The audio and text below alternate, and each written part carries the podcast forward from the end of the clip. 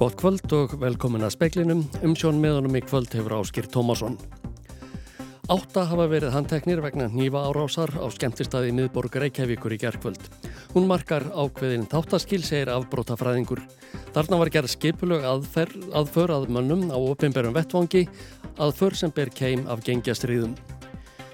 Nokkrir hafa verið handteknir vegna rannsóknar héras saksóknara á umfangsmesta síkarettu og veipsmigli sem komið hefur upp hér á landi. Allt eins er talið að samfélagsmiðlinn Twitter hrinni endanlega um helgina. Og enska úrvalsteldarliðið Manchester United undirbýr málsókn af hendur Cristiano Ronaldo vegna ummæla sem hann létt falla um félagið í sjónvarpsviðtali. Átta hafi verið handteknir í tengslum við rannsókn Lárauglu á fjölda áráfs sem gerð var á skemmtistaði við bankastræti í Reykjavík í kjarkvöld. Talið er að háttið 30 manns tengist áráfsinni. Lárauglan skorar á hérna grunuðu að gefa sig fram. Stór hópur grímuklættra manna ruttist inn á skemmtistaðin bankastræti klöpplust fyrir minnætti í gær og stakk þrjá menn sem voru á neðrið þess staðarins. Það allavega, þarna fóru hátt í 30 manns inn á, inn á þennan skemmtistað og, og veittu þarna þremur aðlum hérna, þess áverka eða stungur. Og við teljum okkur hafa svona nokkuð góða mynda því svona hverju voru þarna verki segir Margir Sveinsson aðstóður yfirlauruglu þjóttn á höfuborgarsvæðinu. Til rannsóknar er hvort um hemdaraðgerðir hafi verið að ræða. Heimildir fréttastofu herma að margir hinn að grunuðu síu samstarfsmenn, allir dýraverðir á skemmtistanum ádóið lækjargötu. Er þetta eitthvað glæpa gengi eða hvað, hvað einstaklingar eru þetta? Ég veit ekki hvað á að kalla þetta. Þetta er, þetta er svona, þetta er ykkur hópur allavega og, og sem að skipilöku sig með þessum hætti að fara og með, með svona allu og veita þess áverka sem að þarna voru áttist að. Lauragla hefur farið í húsleit viða í höfuborginni í dag og rannsókn stendur enn yfir. Núna með áttamanns í haldi og við, það verður gerð krafa núna um að gæslu var alltaf á fremur, það er búið að taka ágrunum um það og það er ekki búið að taka ágrunum með hína. Þá er um 20 manns enn leitað og, og ég vil nota tækifæri að skóra á þá bara að hafa sambandi lögum því að við ætlum að og lítum þetta mjög alveg mögum og, og við stoppum ekkert fyrir en þeir eru komin í hús. Þetta sagði Marger Sveinsson, Sunna Karin Sigurþórdóttir talaði við hann. Nokkrir hafa verið handteknir og farið hefur verið í húsleit á höfuðborgarsvæðinu í tengslum í rannsókn hérasaksóknara á umfangsmesta síkarettu og veipsmigli sem komið hefur upp hér á landi. Lagt hefur verið hald á egnir upp á halvan miljard í tengslum við rannsóknina. Eftir því sem fréttastofa kemst næst komst tollgæslan á snóður um smiklið fyrir nokkrum árum þegar hún stöðvaði gám með miklu magni af síkaretum og rafrættu vörum. Rannsók málsins var fyrst á forræði lauruglunar á höfuborgarsvæðinu en þar ljóst varð hversu stórt málið væri í sniðum var það sendt áfram til embættis hér að saksóknara. Embættið hefur í þessari og síðustu viku farið í margskonar aðgerðir meðal annars handekið fólk og fært til skýslutöku og gert húsleit á nokkrum stöðum. Er talið að smiklið hafi staðið í nokkuð tíma og að magnið sé í tónnum talið. Þá leikur grunur á að smiklvarningurinn hafi verið seldur í söluturnum á höfuborgarsvæðinu. Heimildir fréttastofu herma að ennbætti hér að saksóknuna hafi við rannsók málsins lagt halda á eignir upp á rúman hálfan miljard. Ólafur Þór Haugsson hér að saksóknunni vildi ekki tjá sig um málið. Freyr Gíja Gunnarsson tók saman. Fyrum hátsettir starfsmenn Twitter spátt við margir að miðvillin hrinni endanlega um helgina. Höfuðstafun Twitter hefur verið lokað þar til á mánudag og öllum starfsmönnum meinaður aðgangur. Eigandi Twitter, auðkýfingurinn Elon Musk, fyrirskipaði nýlega að vinnudagar Twitter eruðu lengri og erfiðari. Starfsmenn eruðu að gera sér klára í slægin, ellegar snúa sér annað. Svo tilskipun fjall í grítanjarðveg meðal þeirra þúsunda sem starfa hjá Twitter. Fjöldi starfsfólks sæði upp og einhverjir fyrrum hátsettir starfsmenn miðelsins hafa sagt í dag að Twitter rinji til grunna um helgina. Stærsti íþróttaviðburður ársins, HM í Katar, hefst á sunnudag og gert er ráð fyrir mikillu umferðum Twitter vegna þess. Ef eitthvað fer úrskeiðis verður engin við á skipstofunni til að grípa til aðgerða. Engar sérstakar skýringar hafa fengist á lokun höfustöða Twitter um helgina. Lokunin var kynnt fyrir starfsfólki með stuttum posti þar sem meðal annars segir vinsamlegast haldið áfram að fylgja starfsreglum með því að láta fjölmiðlum ekki í tíu við hvaðmar upplýsingar innan úr fyrirtækinu. Málefni Twitter og nýja eigandans, Musks, hafa verið í brennitepli undanfarna daga. Musk kefti Twitter fyrir nokkru vikum á 44 miljardar bandrækjadala, andverði 6.300 miljardar króna og síðan þá hefur megninu af þeim 7.500 starfsmönnum sem þar unnu verið sagt upp. Musk er þó hverki bánkin, hann týsti sítiðis í dag, allt besta fólkið er hér enn, þannig að ég er ekki svo áhyggjufullur. Ottur Þorðarsson sagði frá. Stórvirkar vinnuvílar voru í dag notaðar við að riðja leið gegnum örskriðuna sem fjall á Grindavíkur vegi í gerðmorgun. Vegurinn er þó enn lokaður því mikil bleita er í skriðunni. Í nótt verður látið á það að reyna hvort auður heldur áfram að skriða yfir veginn. Vegagerðin metur stöðuna í byrtingu á morgun og fyrr verður ekki opnað fyrir umferð. Enn er ekki ljóst hver miklar skemdir hafa orðið. Vegrið er illa farið en óljóst er hvort vegurinn sjálfur hefur orðið fyrir skemdum. Lilja Alfreðsdóttir, menningar og viðskiptar á þeirra tók í gær við 550 eintökum af heldarútgáfu Íslendingasagnana sem gefin verða menta, menningar og heilbriðistofnunum víða um land. Meðal viðtakenda eru skólar, bókasöfn og hjúgrunarheimili. Saga forlag stóðað útgáfunni sem er í fimm bindum, gefin út með nútíma stafsetningu og fylgja henni í tarlegir formálar, orðskýringar, vísnaskýringar og nafnaskrá, auk greina og mynda. Forstjóri helsuverndar hvaðist vongóður um að leysist úr varðandi emdurbætur á húsnæði dvalarheimilisins hlýðar á Akureyri. Mikla hefur greinst á hlýð sem talin er hafa valdið veikindum hjá heimilisfólki þar. Rúm vikaði liðin frá því frétti bárúsla miklu í húsnaði dvalarheimilisins hlýðar. Húsið er í eigu ríkisins og Akureyra en helsuvernd tók við starfseminni á hlýð af Akureyra bæ árið 2021. Fram hefur komið að helbreyðisráðunetið hafi vitað af miklunni í fjóra mánuði og ráðunetið og bærin hafa bent hvort á annað varðandi úrbætur. Þar vilist nú sem jákað teknsi á lofti eftir fundarhöldi gær og dag. Teitur Guðmundsson, fórstjóri helsuverndar, segir að fundur með helbriðisráðunutin í morgun hafi verið árangusríkur. Við alltaf ítrekkuðum og komum skilmerkilega fram þar er okkar skoðun á því hvernig ferli hefur verið og hvað við teljum að þurfa að gera og það verður þetta nokkuð sameilu skilningur því að, að það þurfi að breyðast við og því því því betra. Það er núna í vinslu. Teitur segir ekki standi til að helsuverðin takja að sér á einhverju tímapunkti að sjá um endurbætur. Eðlilegt sé að húseigendur gerir það og beri ábyrð á að húsnaði sé í lagi. Og það var ítrekka það, það er mjög gott samstarf og samtala millir aðila og það finnst mér gott.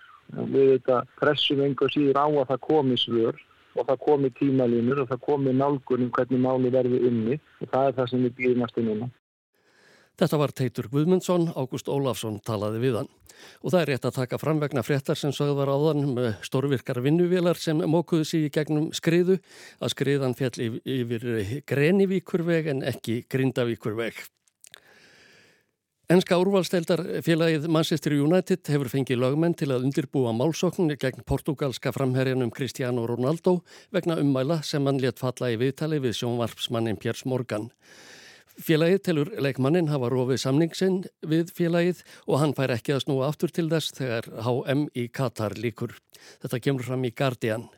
Ronaldo fór ófögrum orðum um United í viðtalinu, sagðist ekki bera neina virðingu fyrir Erik Ten Hag, knatsbyrnustjóra liðsins og lísti við yfir að félagið hefði staðið í stað. Forsvarsmenn félagsins hefðu reynda að losna við hann.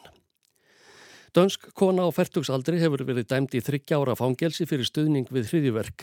Hún er einn þryggja kvenna sem færðuðust með börn sín til Sýrlands árið 2014 til að búa þar en þau voru sendt aftur til Danmerkur á vegum Danska ríkisins í fyrra eftir að varnarmála sérfræðingar mátu að vera þeirra í Sýrlandi ógnaði öryggi Danmerkur.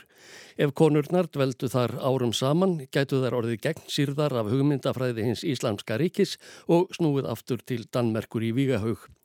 Konan játaði að hafa lagt íslamska liðinu lið með um, íslamska ríkinu lið með því að vera heimavinnandi húsmóðir manns sem var virkur í Vígasveitum samtakana.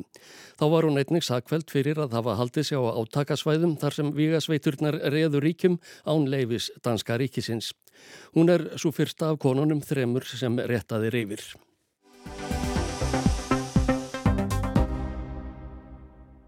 Undanfærin misseri hefur tilkynningum um árásir og atbyrði þar sem nýfum og eggvopnum er beitt fjölgað mjög. Í gærkvöld réðst hópur rúmlega 20 dökklættra manna með grímur inn í herbergi á skemmtistanum bankastriti klubb í miðbæði Reykjavíkur að mönnum sem þar voru fyrir og hvar svo að braut. Þrýr voru fluttir með stungusár og slísadeildin er ekki taldir í lífsættu. Fjórir voru handteknir í gær og um 20 manna leitað. Þó að tilkynningum um atvik þar sem eggvopn koma við sögu hafi fjölgað, segist lögurlega ekki áður hafa séð að svo stór hópur skipulegi sig og fari inn til að ráðast að mönnum að mörguleiti getur sagt þetta svona marki ákveðin þáttaskil í svona ofbeldið sem við erum að sjá á hennum ofinbera vettvangi. Yfirleitt er þetta þá er einstaklingar sem koma við sögu einstaklega málum en í þessu tilfelli að þá eiginlega má segja að það hafi raunverulega verið gerð aðför að eh, einstaklingum á ofinbera vettvangi. Við erum að sjá tíu einstaklingar ráðast þarna inn með grímur þannig að þetta er svona, má segja að þetta sé skipulegu aðförð sem einhverju leiti ber keima svona gengjastrýðum sem við hefum verið að sjá á, á Norðurlöndunum. Eða svona tiltúla lítið séð hér hjá okkur á Íslandi þar sem menn beinilins bara vigbúast ráðast á einhverja sem þeim mislíka við eða er í einhvers konar uppgjöri eða, eða hemd gagvart og auðvitað erum við femtri slegin að, að upplifa svoleiði sjá okkur í, í miðborg Reykjavíkur á vennilegum skemmtistað þar sem eru margir eh, saklausir eh, í, í kring og, og, og geta þess vegna alveg orðið þarna á milli. Þannig að þetta er ekki bara á, á milli þessara aðila sem þarna eiga við sögu það geta aðrir gestir einni orðið fyrir skada af þessu fyrir utan það að bara upplifa þetta verið fram að sig segir Helgi Gunnlaugsson, afbróðafræðingur og prófessor við Háskóli Íslands. Láregla hefur enga síður sagt að ekki sé ástæði fyrir almenninga óttast. Þetta verðist skipuleg allaga að tilteknu mönnum. Það er alveg rétt. Þetta er mikið til bundi við tiltekna hópa. Innan þessara hópa að þá virðist vera einhvers konar hugmyndafræði, að menn hafa tilenga sér það hugmyndafræði að það sé svona eðlilegt og sjálfsagt að, að bera vopn og ekki bara bera þau á ofnböru vettvangi, heldur líka beita þeim ef menn telja sig að hafa orðið fyrir einhvers konar augurun eða til þess að leysa úr einhverjum ágrinnismálum að þá sé bara réttlandalegt að beita því gagvart viðkomandi og það er kannski það sem maður hefur kannski sérstakar áhyggjur af. Hugmyndaheimur og viðmið þeirra sem eru í skipulögum gengjum er kannski öðruvís en gengur og gerist í samfélaginu, segir Helgi. Það að bera og beita vopnum við augurun jafnvel af litlu tilefni talið réttlætanlegt og þetta gengur alveg í báðar áttir.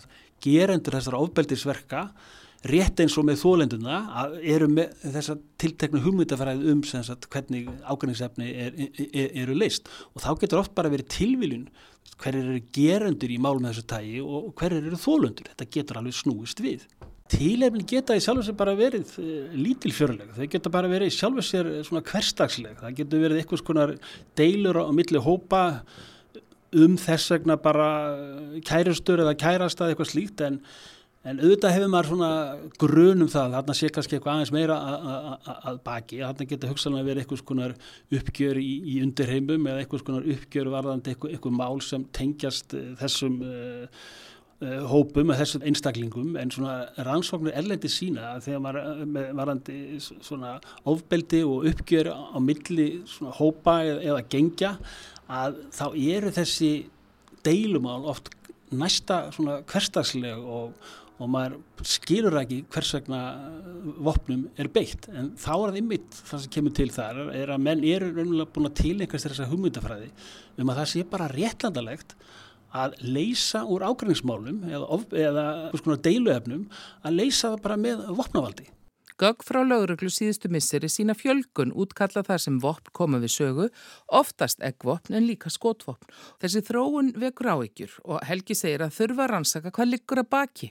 Það sem við sjáum í rannsóknum bæðið eins og frá bandarækjum Evrópu varðandi þessa hópa og þá er þetta yðurlega, þetta eru karlar svona á jæðrunum, yngri karlar sem einhverju hluta vegna hafa orðið nokkuð svona, svona viðskila við samfélagið að öðru leiti, það er svona megin strömm samfélagið hvað snertir skóla, snertir vinnumarkað, það er oft svona brotakent eh, fjölskyldusaga.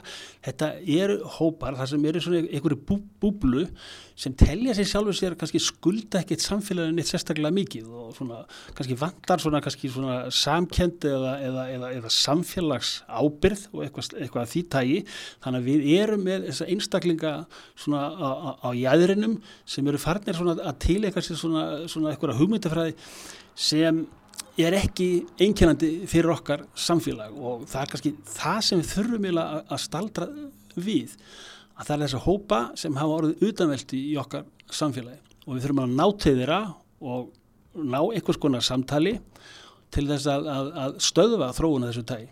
En það er ekki einfalt verkefni koma ímsir aðalega við sögu. Það eru bæði varandi svona réttavörsluna og, og löggjastluna, það er að taka á þessu með, með, með festu til, til dæmis það að, að, að heimila ekki vopnaburða og ofnburðu vettvangi og, og, og raunulega að, taka á málum með þessu tægi af eh, nýfaburður, að beita nýfi kakvar annari manneski er raunulega ekkit annað en bara tilrönd til mandráps. Við þurfum raunulega að koma þessum skilabóðum klárlega eh, á framfæri en það er langt brínast fyrir okkur, okkar, fyrir okkur sem samfélag svona til lengri tíma að það er að ná til þessara hópa og við að koma í veg fyrir að þessar hópar verði utanveldu. Það er að segja að koma í veg fyrir það að, að einstaklingar já, falli brott úr skóla, hvort sem voru grunnskóla eða, eða framhalskóla varðandi svona fjölskyldu aðstæður, varðandi yðju ímsu tægi, hvort sem það er svona í frístunda yðju eða, eða, eða bara, bara varðandi vinnu eða, eða starf. Við þurfum raunlega að koma þessum hópum og þessum einstaklingum inn í þessum meginmiðju samfélagið að við yðju sem er gaglega fyrir samfélagið og, og fyrir þá sjálfa líka og það sem er smá saman rækta með sér þessa samfélagskend að og hegðuna þessu tægi verður bara eitthvað sem menn bara, mennum dettir ekki eins og í hug hvað þá að beita því sko.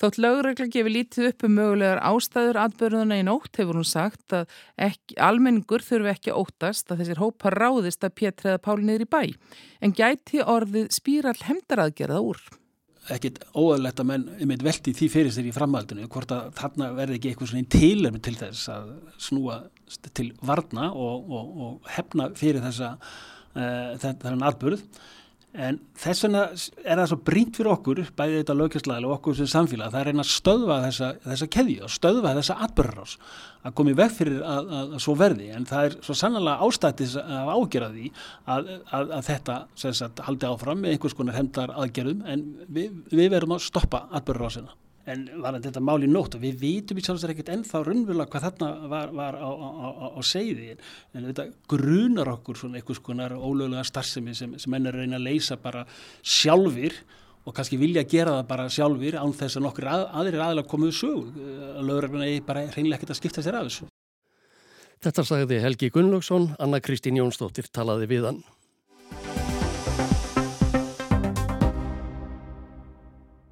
Fjöldi fólks hefur undanfarna mánuði verið sakveldur í Svíþjóð fyrir eh, mótmæla aðgerðir sem beinast að aðgerðaleysi í loftslagsmálum.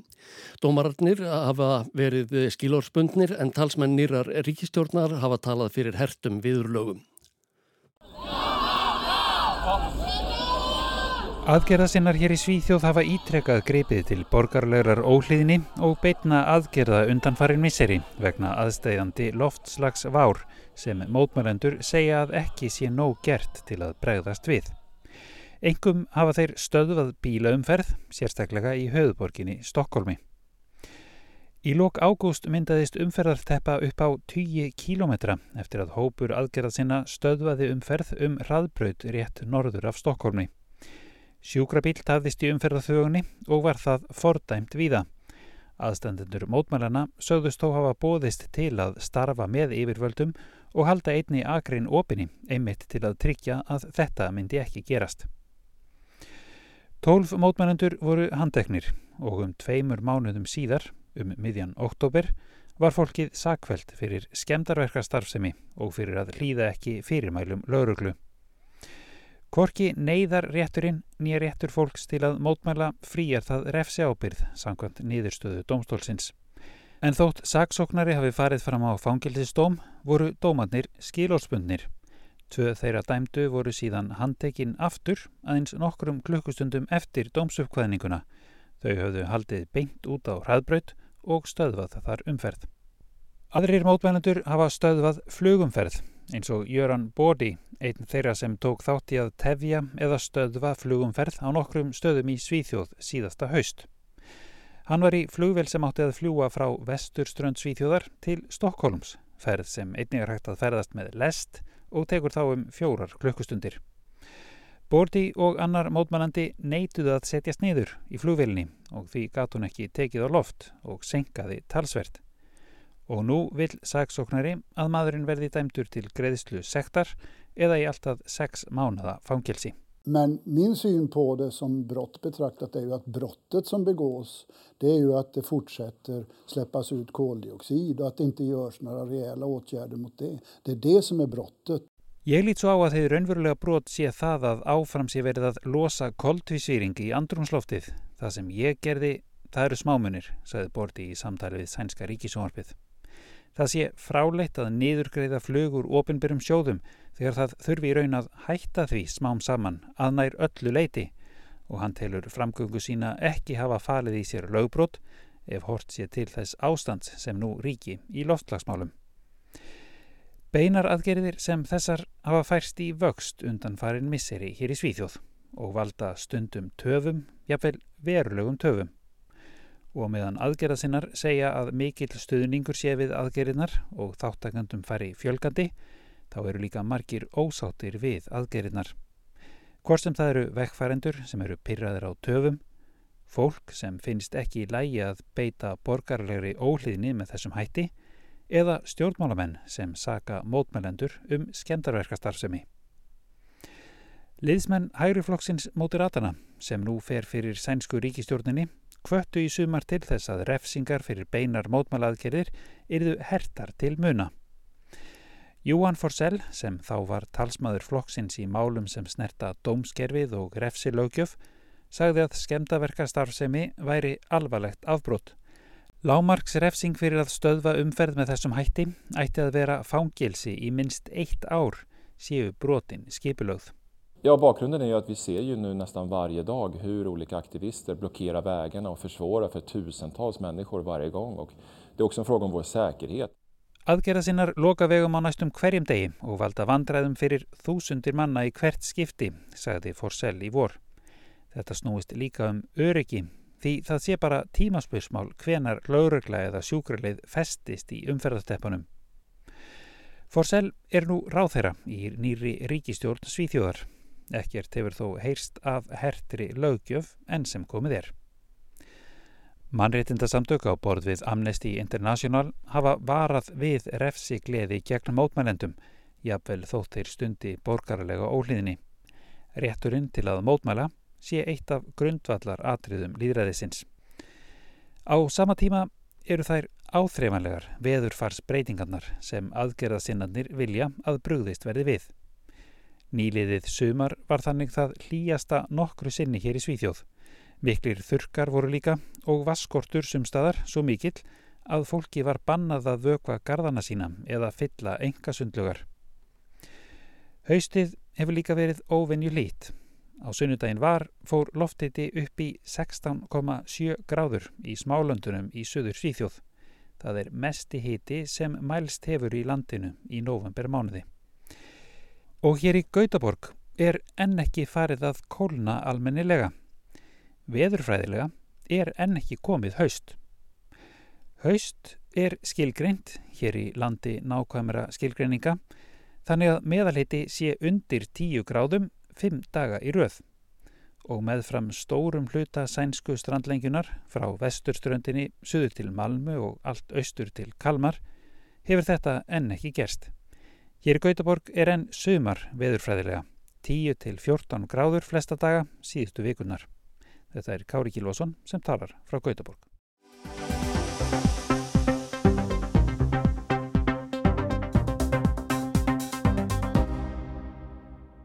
Stjórnvöld ríkja í Östurlöndum fjær hafa fordæmt nýjustu tilraun norður kóriðumanna með langdrægar eldflögar. Yasukazu Hamada, varnarmálar og þeirra Japans, greindi frá því á frettamannafundi í Tókjó í dag að eldflög hafi verið skotið frá norður kóriðu í áttað Japan. Hún hafi komið niður á 12 tímanum í morgun að staðartíma á hafinu innan við efnahagslöksugu landsins um það byrj 200 km frá Hokkaido eigu. Þetta er í annað sinn á tveimur dögum sem norður kóriumenn skjóta eldflögum á loft. Svo fyrri var skamdræg en að sögni Yasukazu Hamada hefði verið hægt að skjóta þeirri síðari alltaf 15.000 km en fluglengdin sagði hann reyndar að færi eftir þingdi kjarnaótsins sem á henni væri. Það þýðir að það hægt hefði verið að skjóta flöginni hvert sem er á meginlandi bandaríkjana. 国際社会全体への挑発をエスカレートさせる暴挙であり Þetta er gáleysilslegt aðhæfi og ógnun við gjörfalla heimsbyggðina, saði ráþeran. Friði og öryggi Japans, nágrannaríkjana og heimsins alls er ógnað. Þessar aðfarir eru með öllu ólíðandi. Fumino Kishida, forsætis ráþera Japans, var statur á fundi APEC, efnahags samfunnurráðs Asi og Kirrahafsríkja í Bangkok í Tælandi þegar honum voru fariðar fréttir af atbyrðunum. Þar var einni Kamala Harris var að fórseti bandaríkjana á samt fleiri þjóðarleðtugum. Hún bóðaði þegar í stað til neyðarfundar með fórsættisráþurum Japans, Suður Kóriau, Nýja Sjálands, Ástralíu og Kanada til að ræða viðbróð við eldflugarskotinu. Harris sagði að með því hefðu norður kóriumenn brotið gegn fjölmörgum álíktunum öryggisráðs saminuðu þjóðana, raskað öryggi í heimslutanum og valdið ónöðsynlegri spennu. It destabilizes security in the region and unnecessarily raises tensions. Harris bætti við að á fundinum hefði hún ítrekkað óhagganlegan stuðning bandaríkjana við vinaþjóðir í Östurlöndum fjær. Hún eh, hvað leðtóana sammála um að fordæma aðtæfi norðurkóriumanna og skoraði á þá að hætta þegar í stað þessu ólöglega háttalagi sínu. Vegna eldflögarskótsins var þegar í stað blásið til herafingar flugherja Japans og Bandaríkjana þar sem F-35A og F-16 orustu þótar voru sendar á loft. Sprengjum var varpað á skotmörk á jörðu niðri lengi dags. Aðsögn hernaðar sérfræðinga í Japan og Suður Kóru hafa Norður Kóru menn skotið fleiri eldflögum á lofti ár en nokkru sinni fyrr. Annan november voru þær 23 ár. Einn þeirra lendi innan lögsögu Suður Kóru en það hefur ekki gerst síðan í Kóru stríðinu 1953. Joe Biden bandarækjafórsiti lísti yfir áhugjum sínum af framferði norðanmanna á fundi sínum með Xi Jinping, fórsetta Kína á Bali fyrir í vikunni. Hann Kwon He, yfirmaður söður kóreskara stopnunar sem fylgist með eldflugatilraunum norður kóriumanna, telur að með þessu nýjasta eldflugaskoti hafið þeir verið að svara viðraðum leiðtóana og í leiðinni að senda bandaríkjamanum og japunum skýr skilabóð um að þeir geti skotið sprengjum á löndin án þess að herir þeirra komin einum vörnum við. Embættismadur í fylgdarliði Kamilu Harris í Asíuferðanar greindi frettamönnum frá því í dag að bandaríkja stjórn ætlaði að fara þess á leit við kínverk stjórnvöld helstu bandamenn Norður Kóriau að þau hjálpi til við að halda aftur af tilraunum norðanmanna með allt flögar hvort heldur sem er langdrægar eða skamdrægar. Og að þessu sögðu lítum við til veðurs, það eru veður horfur næsta sólarhing, suðaustan 5-13 metrar á sekundu og víða skúrir en ryggning suðaustan til og á östfjörðum. Úrkomi lítið á Norðurlandi og hiti verður 1-8 stig. Vaksandi austan og suðaustan 8 á morgun, 8-15 fyrir norðan síðdegis og úrkomi lítið en 13-20 og ryggning sunnanlands. Lægir síðstum kvöldið, hiti breytis lítið og það var helst í speklinum í kvöld að átt að hafa verið handteknir vegna fjölda árásar á skemmtistað í miðborg Reykjavíkur í gerðkvöld. Hún markar ákveðin þáttaskil, segir afbrótafræðingur. Þarna var gerð skipulögð aðför að mannum á opimberum vettfangi, aðför sem ber keim af gengjastriðum. Nokkrir hafa verið handteknir vegna rannsóknar hér að saksóknara á umfangsmesta síkarettu og veipsmigli sem komið hefur upp hér á landi. Allt eins er talið að samfélagsmiðlinn Twitter hrinni endanlega um helgina. Enska úrvalsteildar liðið Manchester United undir býr málsókn á hendur Cristiano Ronaldo vegna um mæla sem hann létt falla um félagið í sjónvarpsviðtali. Fleira er ekki speklinum að þessu sinni. Tæknimaður var Mark Eldrödd, útsendingu styrði Ingi Björg Sara Guðmundsdóttir, verðið sæl og góða helgi.